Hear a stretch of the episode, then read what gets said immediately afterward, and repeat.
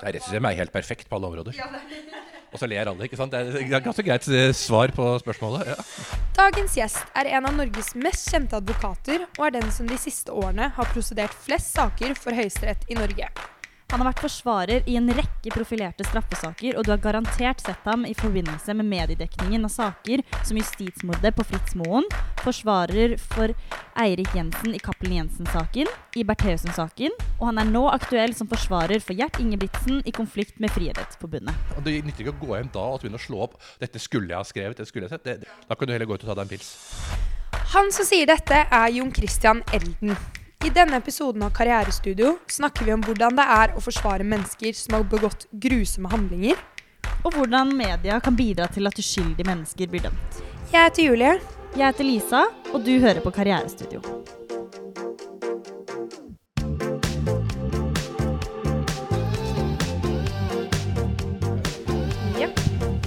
Velkommen hit i dag, Jon Christian Elden. Takk skal du ha. Det er en glede å ha deg her.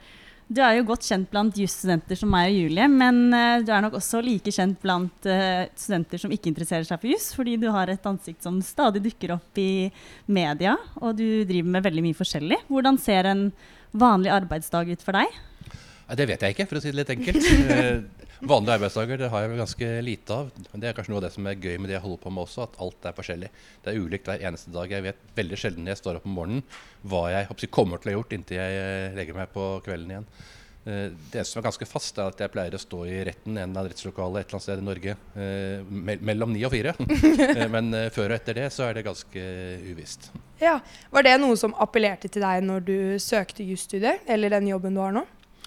Jeg var vel egentlig ikke sånn at jeg visste jeg skulle bli skrankeadvokat, eller lignende da jeg begynte studiet. Det kom nok litt sånn eh, etter hvert. Eh, Men det var en interesse som lå der, fordi jeg var jo også interessert i f.eks. politikk. Eh, Og da lærer du veldig mye argumentasjon. Som du dessverre ikke lærer på jusstudiet. Da lærer du et fag, men du lærer ikke å diskutere det med andre. Nei, nei, Eh, nei. Men eh, med kombinasjonen oppe politikken og, og det, så ble det jo veldig mye sånn at jeg skulle i et sted jeg i diskutere faget mitt med andre, og da ble det jo fort skranken. da. Man står og slåss litt med hverandre og slår argumenter i hodet på hverandre. Og så er den store fordelen da, med jussen er at uh, argumentene vil på en måte vinne frem. I politikken så vinner jo den sterkeste frem uansett, den som er flest. Da kan du komme med så gode argumenter du bare vil, og så sier motparten ja ja, lille venn, det var et godt argumentasjon, nå stemmer vi imot. det tør ikke Høyesterett ennå. Nei, det er da litt godt, da. Men eh, jeg tror mange lurer på hvor mye cirka jobber du da? Det er nesten umulig å si. Eh, Jeg, står opp om morgenen når jeg må stå opp om morgenen. eh. Og det betyr at det blir gjerne noen timer før jeg skal eh, i retten. For jeg trenger de timene på morgenen for å forberede saker til å gjøre det som eh, måtte ligge av ting fra tidligere, eh, som jeg ikke har fått gjort kvelden før. Eh, Og så dukker det opp ting i løpet av dagen. dukker opp nye saker, ting som haster, ting som må fordeles, ting jeg må måtte ta en eh, kikk på. Sånn, jobber i praksis hele tiden. Fordi at det blir også sånn at når du går ute ellers, kan du tenke på saken du holder på med. ikke sant? Og sånn, ah, der kom jeg på et godt argument i sånn og sånn. Men eh, Så jobben blir på en måte en hobby. Og det kan være på godt og vondt, men det er mest, mest på godt da, nettopp fordi at det er, det er gøy å holde på med det. Ja, det er bra. Og mange av disse sakene du holder på med, får jo veldig mye mediedekning, sånn som Bertheussen-saken, Fritz Moen og Geir Jensen og sånt. Eh, hvordan, føl, hvordan er det å jobbe med disse sakene som får så utrolig mye oppmerksomhet? Føles det som om hele Norge følger med? Hvordan påvirker det jobben du gjør? Altså, ja, det føles av og til som at alle følger med, og vel så det. Selv om når jeg leser avisene, så er jeg usikker på om de faktisk følger med. Eh, Men det er er veldig ofte at jeg leser ting i avisen som ikke kjenner igjen fra den rettslokale jeg var i eh, dagen før. Men eh, se bort fra det, så er det jo veldig interessant å jobbe med slike saker også. Det legger nok en ekstra form for utfordring på det også. Du skal hele tiden gjøre en god jobb i alle sakene du holder på med. Det er på en måte grunnvilkår. Men det er klart det blir litt sånn ekstra pirrende når du vet at alle følger med i tillegg og skal ha en mening om det du gjør. Men jeg tror ikke jeg har kommet over det, si, det, det verste skrekkscenarioet rundt det. Ja, vi har jo også fått inn et spørsmål fra en av våre lyttere som lurer på om du blir ekstra motivert av å ta disse sakene som har mye mediedekning? Nei, egentlig ikke. Eh, altså Alle saker er like viktige. Og for meg er det kanskje vel så si, behagelig og morsomt å ha si, en, en liten eh, sak eh, for en eh, tingrett hvor du faktisk er ganske mange problemstillinger i som mange kanskje ikke ser, fordi de går så fort igjennom. Eh, hvor du finner poengene og ser at ja, her er det noe. Og så er det jo sånn da at eh, de småsakene er jo egentlig dårligere etterforsket enn de store. Så det er mye lettere å finne gode poenger i de små. Ja, det er sant. Men Eh, hvis vi går litt tilbake til dette her med press, da, ikke sant. Fordi du har jo blitt ganske godt vant til det nå. Men det er jo som vi sier at mange følger med. Det er mediedekning. Har du noen tips til hvordan man kan takle press, som også studentene kan lære av når de er stressa med eksamen eller Jeg tenker at Du må i hvert fall være fullstendig klar over at døgnet har 24 timer. Altså Selv om du på en måte jobber 48 av dem, så må du likevel vite at det er en begrensning der. Altså, Samme når du leser eksamen, du, du nytter ikke å sitte og lese og lese og tenke dette har jeg ikke fått med, dette har jeg ikke fått med. Da er det det du tenker på og konsentrerer deg om.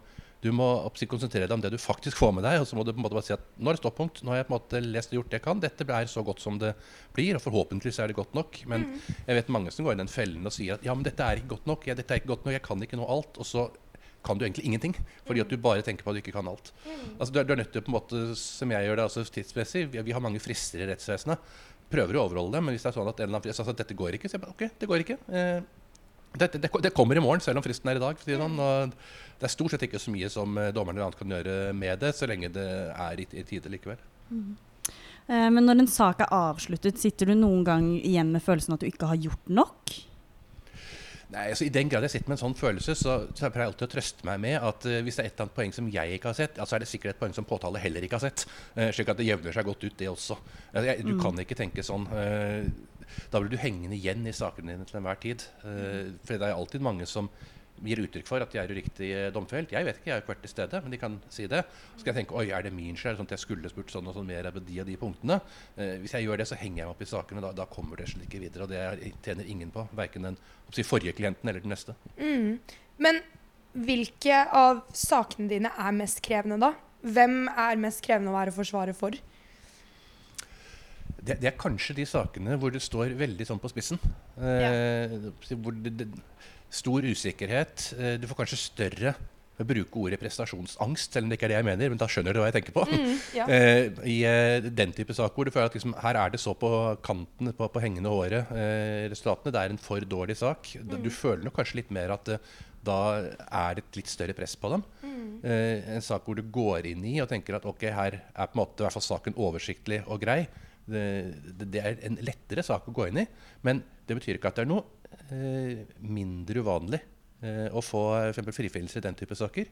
Så du må rett og slett bare se an. Det er det som er poenget med skrankeadvokater også. At du kan ikke gå inn og vite hvordan saken er når den er ferdig argumentert i retten, når den er ferdig bevisført. Ofte ser den veldig annerledes ut enn det, den, det du trodde den var eh, da du satt med tiltalen og politidokumentene i hånden. Men når du står der oppe, kan du plutselig få et veldig innslag av selvbevissthet? Jeg har ikke lov til å ha så veldig selvbevissthet, for det er ikke jeg som skal mene noe. Jeg er ikke dommeren i saken. Eh, men eh, det, det jeg kan få inntrykk av underveis, er på en måte at jeg får spor underveis. Er Jeg har tenkt saken et sted når jeg går inn.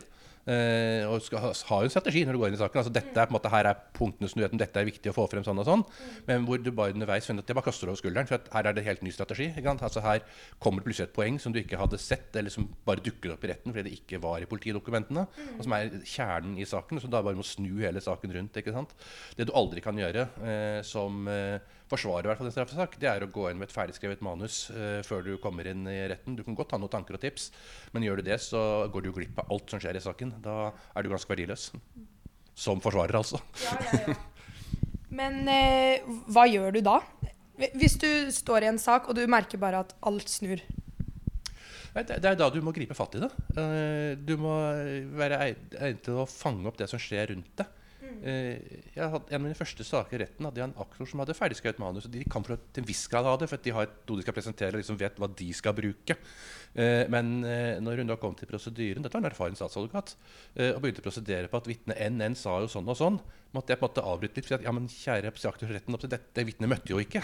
Og så, nei, nei, det, nei, det sto i manuset hennes. Så sånn, ok. Eh, og det, da er du litt forbundet. ikke sant? Da har du på en måte lagt opplegget ditt.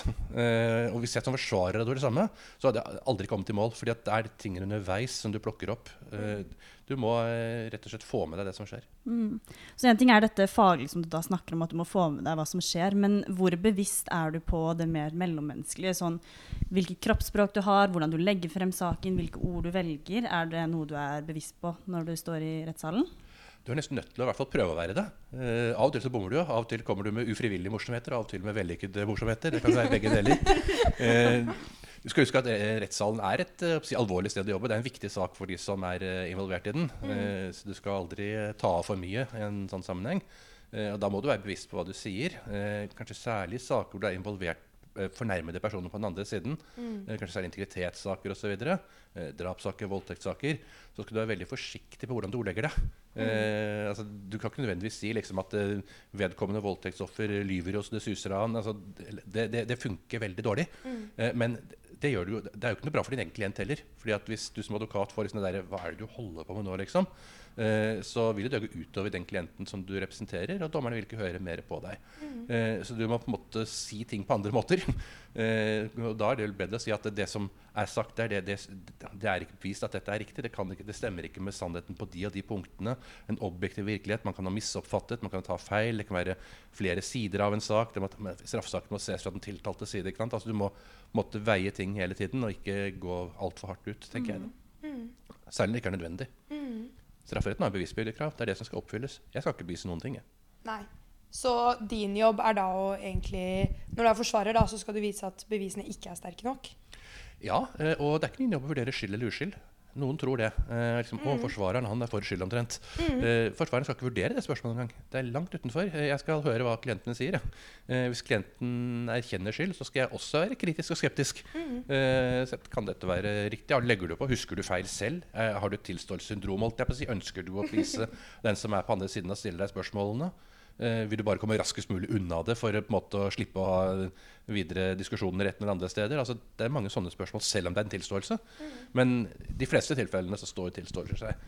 Men da er jo spørsmålet tilbake igjen da, når du nekter. Eh, ok, det er, det er ikke min jobb å bevise at du ikke har gjort det, men det er min jobb å se om det bevisbildet politiet legger frem, er så komplett og fullstendig og sikkert at det ikke finnes andre muligheter. Mm. Og finnes det andre muligheter, så kan du frifinnes. Uavhengig av hva jeg mener om skyld eller tror om skyld. Men pleier du å ha en oppfatning av om den tiltalte er, skyldig, og den du forsvarer er skyldig? Og i så fall, tror du at eh, en oppfatning om at den tiltalte er uskyldig, vil gjøre deg til en bedre advokat? Jeg tror du gjør meg til en dårligere advokat hvis jeg skal begynne å ta stilling til det. Eh, For da, nettopp da vi begynner å selektere mellom sakene. og tenke at ja, Her er du kanskje ekstra uskyldig, her er du litt uskyldig, og her er du bare ikke skyldig. Uh, Her er det ikke bevis. Nei, Hvis jeg skal gå inn i slike vurderinger i eh, alle sakene jeg holder på med, så vil det gå veldig feil. Uh, og det er litt sånn min erfaring også at det, som jeg sier, sakene endrer seg underveis. De aller fleste tilfellene jeg ser bare politiets saksdokumenter, ser jeg jo det samme som det aktor har sett når aktor tok ut tiltale. Eh, aktor er en jurist som har gått på samme universitet som meg, eller et annet. Eh, men altså har i hvert fall lært det samme som meg. Eh, vi ser stort sett det samme når vi ser på dokumentene, men det er jo det utenfor dokumentene som spiller eh, en rolle. Og da vil ting forandre seg underveis. Hvis jeg danner meg en bilde eller oppfatning at å ja, du ser jo skyldig ut fordi det er tatt ut tiltale, så vil jeg gjøre en dårlig, veldig dårlig jobb, tenker jeg. Men hender det at du går ut av en rettssal og tenker at uh, en som er uh, skyldig, har blitt frikjent? Det kan eh, godt hende jeg går ut i en rettssal og tenker at eh, med de bevisene som var her, så hadde jeg dømt vedkommende. Eh, og vice versa.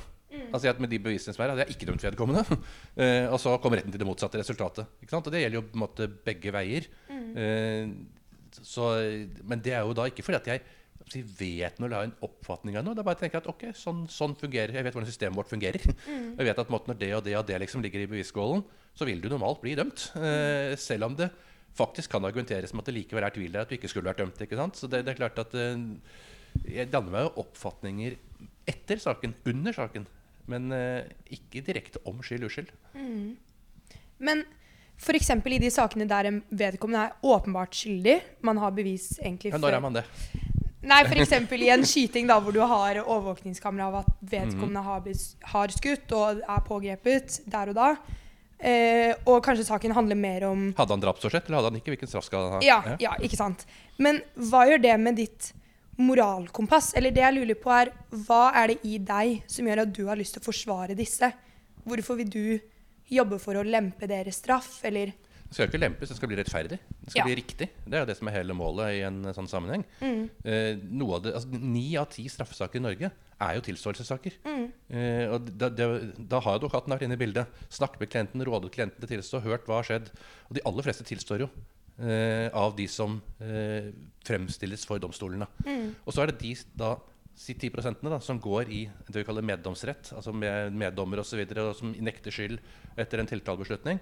Da må du stille spørsmål hvor, hvorfor gjør de det. og Det er jo et sånn standardspørsmål alltid når jeg ser på dokumentene først. Da har jeg sett den videofilmen din da, som du snakker om her, og så vet man sagt at jeg var ikke der engang. tenkte jeg, jøss, ok, Da får vi se på identifikasjonen. da. Mm. Er det noe som er gærent her? Har sagt, I verste fall har noen tatt klærne dine. ikke sant? Altså Hva er det som gjør at du mener at det er deg som er på det bildet? Eh, når, og så hvis du kan da plutselig klienten vise ja, men jeg var jo i København den dagen. Mm. Fint, da har jeg fått et ganske godt motargument mot ja. det åpenbare, klare beviset som du kom med. ikke sant? Ja. Eh, og, men hvis du likevel sier at ok, ja, det, det er, er ikke dette deg der, liksom? Og så kan han bli deg. Han, da er spørsmålet tilbake da, ja, Hva var poenget her? Han sier at jo, jeg ble angrepet rett rundt hjørnet før den filmen begynte. Uh, han slo meg med balltre. Uh, han siktet med en pistol. Han løp etter meg. Mm. Uh, jeg fikk tak i en pistol, sånn og sånn, eller hadde det, for å beskytte meg på byen. Mm. og da skjøt jeg tilbake. Mm. Altså, det, det, er det du ikke ser på filmen. Ja. Og så har du da til jentespørsmålet. Ja, du skjøt. Skjøt du for å treffe han? Skjøt du for å skremme han? det er forskjellen på 9 år og 90 dager i fengsel. ikke sant? Mm. Det er klart at det er jo vel så viktig som er det han eller er det ikke han på filmen. Mm. Så ja, fordi jeg tror at mange kan ha en misoppfatning av dette, at forsvarere skal på en måte bevise uskyld da, for den de forsvarer, heller enn å oppnå en rettferdighet. Men det du gjør, er egentlig bare at de skal få den straffen som er rettferdig ut fra det de har gjort. da. Ja, opp oppgaven er å ivareta rettssikkerheten. Og rettssikkerheten inneholder to elementer. Det ene er at man skal ikke dømme noen hvor det ikke er sikkert at vedkommende er skyldig. Mm. Det er ikke bare forsvarerens oppgave, det er aktors oppgave og dommerens oppgave også. Mm. Vi har akkurat samme oppgaven. Eh, det er bare at min jobb er å lete etter de argumentene, sånn at alle kommer frem. Alle mm. kommer på vektskålen.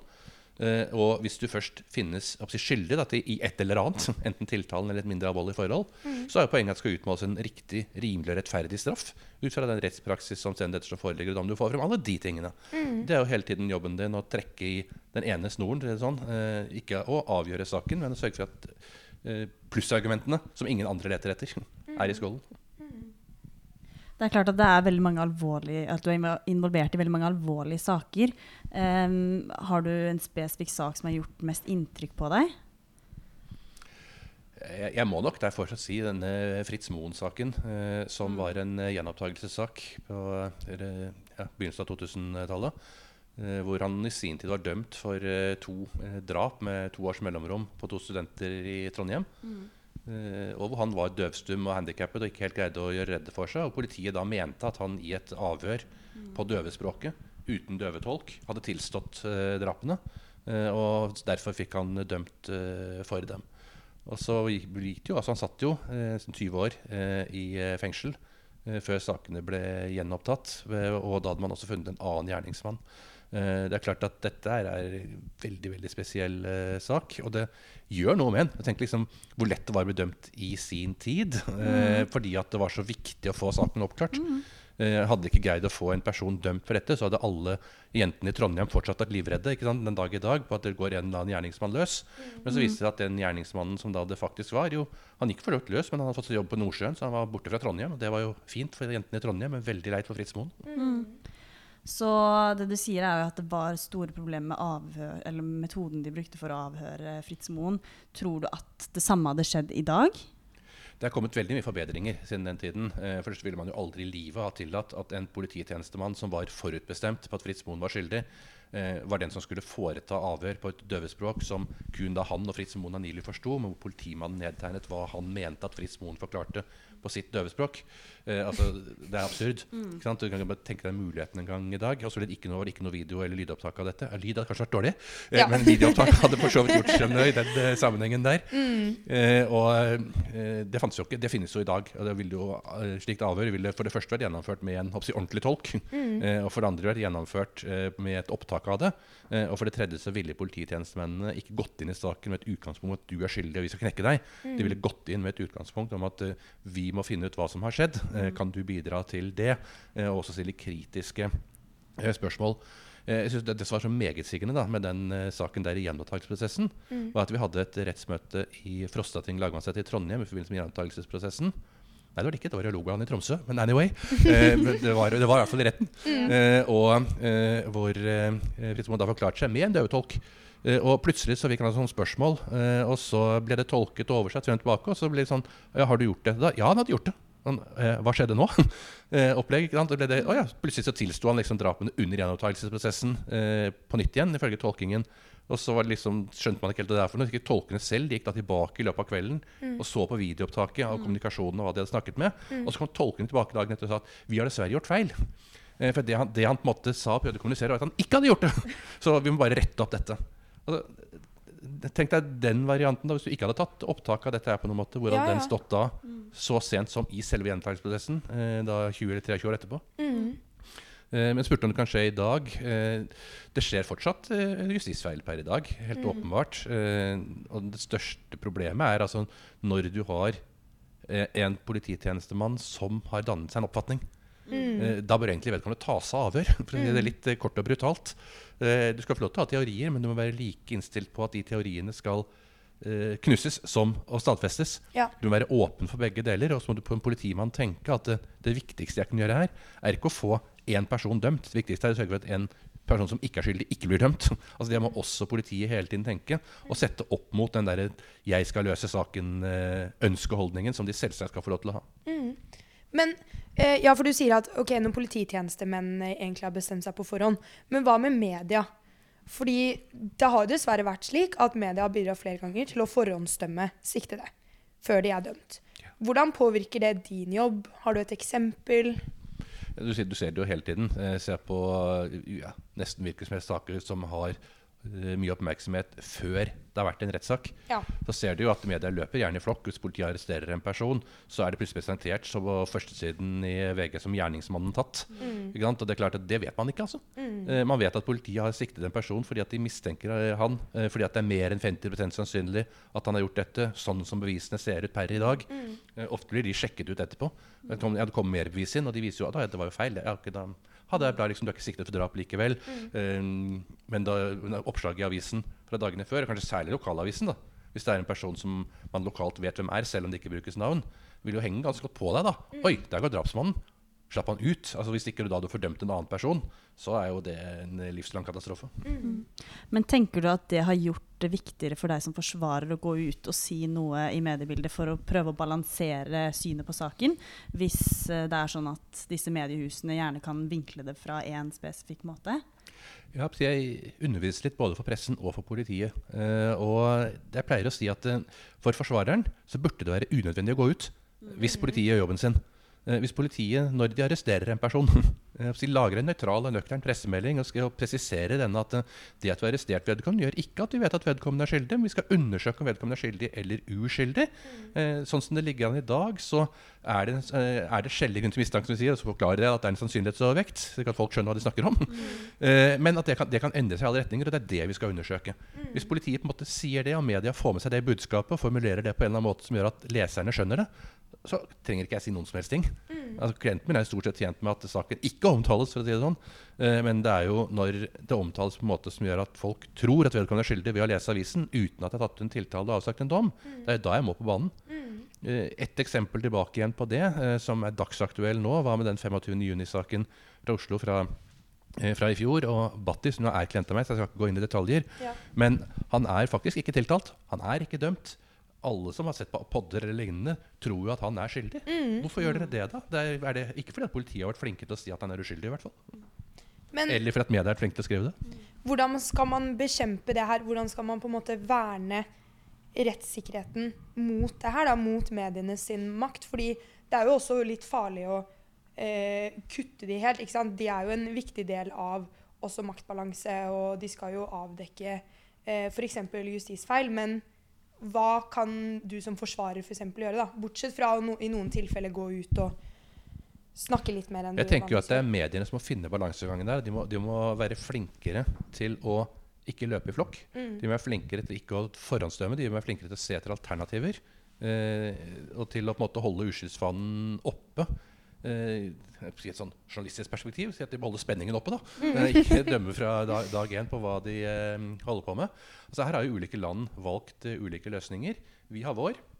Eh, Sverige har den diametralt, um, eller Sverige har den ene veien hvor de har fullt innsyn i saksdokumenter for presse og media, i hvert fall etter at tiltale er tatt ut. Ja. Før det så er det ganske lukket. Da får jo knapt forsvarerne dokumentene. Da får de det som politiet vil gi til forsvarerne. Har egentlig ingen praktisk rolle. Men når tiltale reises der, så får jo både Forsvaret, tiltalte eh, og allmennheten mm. innsyn i alle de saksdokumentene som skal brukes i saken. Forsvareren får litt mer. Han får også det som det går ikke skal brukes, men som han kan velge å bruke. Eh, og de kan skrive og gjøre hva de vil om det. Mens i England så har de jo en motsatt løsning. I det øyeblikk det er tatt en tiltale eller en person er siktet, charged, så er det jo forbud for avisene til å skrive om saken inntil det foreligger en dom. Eh, fordi at de ikke vil at media skal påvirke juryen og de som skal dømme i saken. Eh, etter at det har satt dom, derimot, så står det jo i lokalavisen hvem som har pissa på hjørnet. ikke sant? Så det, det er liksom med, med navn og sånn. ikke sant? Så de har forskjellige eh, kulturer. Eh, hva som er riktig og galt, det vet jeg ikke. Jeg tror jeg har funnet en god mellombalanse på det i Norge. Men sagt, det forutsetter eh, at media er sitt ansvar bevisst og ikke bidrar til en forhåndsdomfellelse. Det burde være like viktig for dem som det er for politiet, domstolen og forsvarerne. Og i etterkant av en sak, da tenker du at uh, media gjør nok der for å etterprøve om resultatet har blitt riktig? De har blitt flinkere. De har fått noen eksempler. Uh, F.eks. Baneheia-saken, som har vært uh, oppe mye eh, i media i det siste. Som eh, alle tenkte at var avsluttet sånn rundt år 2000. Eh, fordi at det var jo åpenbart, liksom. For at media hadde jo dømt eh, Viggo fra dag én og sendt eh, store, stygge bilder av monsteret i Kristiansand. Ja, ja. Eh, så det var det ingen som ville se på noe mer. Eh, før man altså da fikk i hvert fall et kritisk blikk også på dommen. Nå skal ikke jeg ta noe standpunkt til hva som er riktig og galt i den eh, saken, men det er iallfall slik at det at man så kritisk på dommen, er helt åpenbart grunnen til at saken er tatt opp på nytt igjen. Eh, og Så får man jo se hva som blir resultatet der eh, til slutt, når, eh, når den er endelig avgjort. Og så kan man jo også da være kritisk og skeptisk til det resultatet. Og si at det er ikke sikkert at det heller er riktig. Eh, selv om de fleste jo får innfinne seg med at sånn fungerer rettssystemet vårt. Det er nødt til å finne løsninger for oss, men de løsningene er altså ikke absoluttiteter. Men er det noe annet ved rettssystemet som du mener at eh, må forbedres? Altså, hva Rettssystemet ville er helt perfekt på alle områder. Ja, det er Og så ler alle, ikke sant? Det er, det er ganske greit eh, svar på spørsmålet. Ja. Ja, men Hva er det, det første du ville endret på, da? Bortsett fra dette med medier. Er det noe annet? Altså, det, det er jo en sak som eh, vi har snakket om i år etter år. Det er jo å ta opp det som skjer i rettssalene. Uh, så vi har kommet langt, og Politiet har hørt de tas opp. Der har man fått rutinene på det. Det er liksom blitt viktig nok, alle har skjønt at det er nødvendig. Eh, men å ta opp tingene som skjer i rettssalene, uh, ja, det gidder ikke Stortinget bevilge penger til. De har vedtatt i en lov at det skal skje, men de har ikke gitt penger til å full, fullføre det.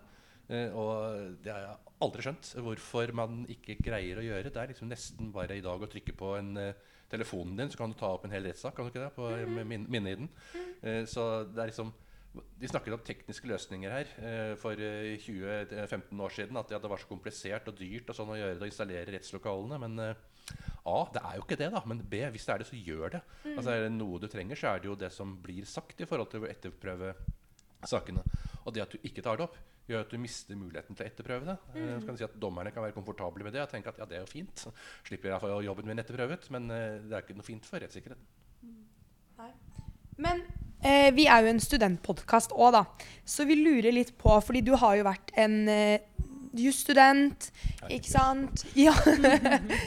Jobbet mye, og du jobber fortsatt mye. Men hva er det du anser Når anser du at du har gjort en god jobb? Hva er nok for deg? Når du har så mye å gjøre, så kan du vel ikke levere 100% hver gang? Jeg håper jeg kan den jeg er i retten og på en måte er oppe til eksamen hver dag. Eh, Ja. Og den eksamen er prioritert, og det må den være. Ja, men det betyr, men så er jeg også så heldig at jeg har masse gode medarbeidere. Eh, slik at eh, jeg har for lengst gått til den situasjonen at jeg har alltid en annen person som har et medansvar på alle sakene jeg er på. Ja, slik at jeg vet at ting blir fulgt opp, klienten blir snakket med. Eh, jeg kan be om at ting undersøkes, gjøres, sjekkes nærmere. Eh, og vet at jeg på en måte har noen som passer på at jeg gjør det jeg skal eh, hele tiden. Eh, og det er veldig praktisk utover en sekretær som stort sett passer på kalenderen min. Unntatt når Høyesterett fremberammer sakene en halvtimes tid. Jeg kommer en halvtime for sent. Det er litt uheldig. Eh, men hvis man ser bort fra det, eh, så, så er eh, det er iallfall ganske viktig med å ha eh, noen du jobber med, eh, som gjør at du er to eller fire øyne da, på eh, sakene. Og da, da blir det jo lettere sånn at man tenker at man diskuterer litt på forhånd. Eh, selv om det er en liten oppsi, fillesak. Bruker de noen minutter på det? Ikke sant? Sånn og sånn. Ok, dette er poengene sånn jeg ser. Ja, sånn og sånn. Og unnskyld det og det. Og så videre, ikke sant? Så du er på en måte forberedt på eh, hva som kan dukke opp eh, i retten. Men så er det som jeg sa i sted også, at um, selv om du er forberedt, så er du aldri godt nok forberedt. Fordi at det skjer altså ting hele tiden underveis. Så du må være forberedt på det uforberedte. Ja. Jeg tror det er mange studenter som kan kjenne seg igjen i det og føle at uh, det er vanskelig å strekke til, men at man alltid må gjøre sitt beste. Og du var jo selv utrolig aktiv som student. Hvordan klarte du å balansere det tiden du brukte på å lese, og det faglige kontra andre aktiviteter, verv du hadde som student? Eh, Jeg, har alltid gjort mye. Mm. Sånn. Eh, altså, døgnet mitt har veldig mange, veldig mange timer. Men jeg, jeg gjør ting fordi jeg syns det er gøy å gjøre ting. Og så kan jeg kanskje ikke stoppe å gjøre ting. Så fortsetter jeg å gjøre ting. Det er litt, eh, litt videre enn det også. Eh, du må balans, men du må balansere det. Du må på en måte vite at eh, døgnet har et begrenset antall timer. Du må ikke tenke at 'dette har jeg ikke fått gjort'. Mm. Da vil du henge igjen på dette dagen etter. At 'oi, nå har jeg kommet på etterskudd'. Nå hva er det fine ordet? Prokrastinerer. Ja. Eh, tenker jeg det? Ja, det er det. ordet jeg nettopp har lært. Jeg er ikke helt sikker hva det betyr. Det er sånn cirka hva det betyr. ja. Ja. Eh, og at det på en måte vil være en problemstilling. da. En, du må bare tenke at ok, dette er den tiden jeg har. Eh, Nå er jeg ferdig med det. Ja. Så nå er jeg ferdig med prosedyren den saken. Nå kan jeg ta den ut av hodet og legge den bort. Det er mulig jeg kunne sagt noe annet, men det kan jeg ikke bekymre meg for eller bry meg om. For jeg venter dommen kommer, eventuelt før jeg ta det med i en anke, liksom. Ja, så kanskje man må tenke det at Ja, du er nødt til det. Eh, samme måte som du går ut av eksamenslokalet. Da har du avlevert oppgaven din. Ja. Det er ikke noe mer du kan gjøre. Ja. Sorry. Og Det nytter ikke å gå hjem da og begynne å slå opp 'Dette skulle jeg ha skrevet', dette skulle jeg sett. Det, det hjelper deg absolutt ingenting. Det er, det er misbruk av tid. Ja. Da kan du heller gå ut og ta deg en pils. Ja, ja det, Det er godt studieråd. Det er det beste tipset. Godt å høre. Absolutt. Men uh, hva er ditt beste tips til jusstudenter? Som vil lykkes? Å følge med på samfunnet rundt. Mm. Uh, jussen er et samfunnsfag, ikke et puggefag. Det, det innebærer at du kan ikke lese deg eh, bare ved å lese. eh, til, I hvert fall ikke til en god forståelse. Du kan kanskje eh, lese deg til en god eksamen på noen punkter, men du greier ikke å bruke det. Eh, når du kommer Hvis du kommer og jobber, jobber hos meg, så er jo snur jeg egentlig eksamens- eller studiehverdagen opp ned. For at universitetet så lærer du spekulerer ikke i faktum, og så liksom driver du og fintenker på jussen. Eh, I det virkelige verden så er jo begge parter ofte enige om det grunnleggende i jussen, men det er altså faktum man er uenig om. Ja. Eh, ikke sant? Du må på en måte være i stand til å bore i det. Da. Være i stand til å finne ut, eh, etablere et faktum eh, i en sak. Eh, jobbe med det. Så mye er annerledes. Du må vite hvordan samfunnet fungerer. Du må vite hvordan folk tenker. Du må på en måte vite hvordan dommere tenker. Mm. Det er vanlige folk, det også. Hvordan reagerer de på ting? Eh, var de fulgt med på samfunnet rundt seg? Skulle vi satt i denne Eirik Jensen-saken, så har vi det rettslige idealet om at man liksom ikke skal være dommer i en sak, man skal ikke være forutinntatt, og man skal ikke ha fått med seg ting som står i avisene. Eh, det, så, det var ga opp med en gang. Bare, så, bare, jeg vet dere har lest avisene, dere vet jeg vet dere har lest avisene. Men la oss være enige om eh, at hvis noe skal brukes i saken, så må det bringes frem i retten. Mm. Ja, Og det er i hvert fall veldig så viktig. Da hender det også av og til at eh, både jurymedlemmer og dommere kommer og sier at, liksom at ja, men sånn og sånn problemstilling altså Enten fordi de har fått det med seg og bare vil løfte det inn i retten, sånn at partene får uttale seg til det. At det som er Problemet er jo hvis eh, det er en sånn sidebevisførsel. eh, at noe skjer i retten, og noe skjer i avisene. Og så vet ikke dommeren til slutt hvor de har fått med seg tingene fra, hva de kan bruke og ikke bruke. Eh, det er et problem. Men du bare legge til grunn at de er samfunnsengasjerte, de også, som alle andre. Ja. Eh, og så helt på tampen, Vi vil gjerne få med noen spørsmål fra lytterne våre. Vi har bl.a. fått et spørsmål om eh, hvorfor du tror akkurat du har lyktes så godt som eh, advokat. Hva er det som har gjort at du har eh, kommet så langt? Det var jo et veldig positivt og ladet eh, spørsmål, så jeg kan jo egentlig bare si takk for eh, spørsmålet. Det var mange fans her. Ja, ikke sant? At det høres eh, veldig bra ut. Nei, jeg, jeg, jeg tror kanskje det har litt å gjøre med akkurat det jeg startet med nå. At jeg har en kombinasjonen av et samfunnspolitisk engasjement eh, og en juridisk kunnskap. Og Så har jeg spesialisert meg ganske godt gjennom årene. Så jeg tør å påstå at jeg kan det fagområdet jeg holder på med. Mm. Det er ofte ganske nyttig. Jussen er ganske stort, ganske omfattende. Jeg driver veldig mye prosedyrer, så jeg kan lese meg opp på enkeltfelter og fagfelter jeg ikke driver med i det daglige, og må ofte det. Men jeg tror nok at på det du mest kjenner meg fra, holdt jeg på å si, altså for, forvaltning, straff, strafferett, straffeprosess osv., så, videre, så tror jeg nok at jeg i hvert fall kan det meste sånn grunnprinsippene i bunnen på det, selv om jeg naturligvis må lese på enkle problemstillinger. Og da er det å kunne bruke det også. eh, Og å kunne presentere det. Jeg tror det siste er vel så viktig. Jeg husker jeg var, en del mer år med på dette Åsted Norge. Norge. Og det var litt sånn egenlæring også på det punktet der. Hvordan jeg, forklare mannen i gata eh, hvordan til tider ganske komplisert juss eh, kan være i veldig få setninger. Eh, og Det tror jeg er nyttig, og da får du dommerne til å høre på deg, og du får meddommerne til å høre på deg, ikke minst. Så jeg, jeg tror det er veldig viktig, i hvert fall for en prosedyreadvokat, eh, å kunne kommunisere. Ja. Og snakke sakte. Ja. Ja. Og det er ingen tvil at det, det skinner igjennom at du kan utrolig mye, som bl.a. på Åsted Norge. Du har jo vært med på eh, praktisk info med Jon Almaas og mye forskjellig. Og eh, vi har også fått et spørsmål eh, fra en lytter som lurer på om du føler deg som en kjendis? Hvordan føler en kjendis seg, holdt jeg på å si. Det var, det var et interessant begrep, dette med kjendisadvokat eller advokatkjendis. og det, så jeg har reflektert over noen ganger. Jeg, jeg trives ikke godt som en kjendis som sådan. Mm. det er ikke det liksom at Oi, han der har jeg sett før, det er veldig kult. Det er ikke kult. Mm. men som en kjent advokat, eller altså være da i den settingen der og for så vidt er respektert i den sammenhengen, det, det kan man jo ikke annet enn å si, bli litt varm rundt hjertet utenfor. Så oppsummert så er det egentlig viktig for studentene å både kjenne sine egne grenser, men også være orientert ikke bare på selve faget, men samfunnet rundt. Tror det er Noe av det viktigste du gjør Noe av det viktigste du gjør under studiet, er det du gjør ved siden av studiet. Ja. Eh, å drive med noe ved siden av. Altså ikke bare sitte på lesesalen og gå inn i den rene jussverdenen. fordi at da greier du ikke å samordne det med samfunnet etterpå når du er ferdig. Mm. Tusen, tusen takk for at du kom. Nå har du en taxi som venter på deg. Turen går jo videre til EFTA-domstolen. Ja, ja, Det er dagens eh, rettsted. Så det er bra. Ja. Luxembourg neste. Ja. Tusen takk. Takk.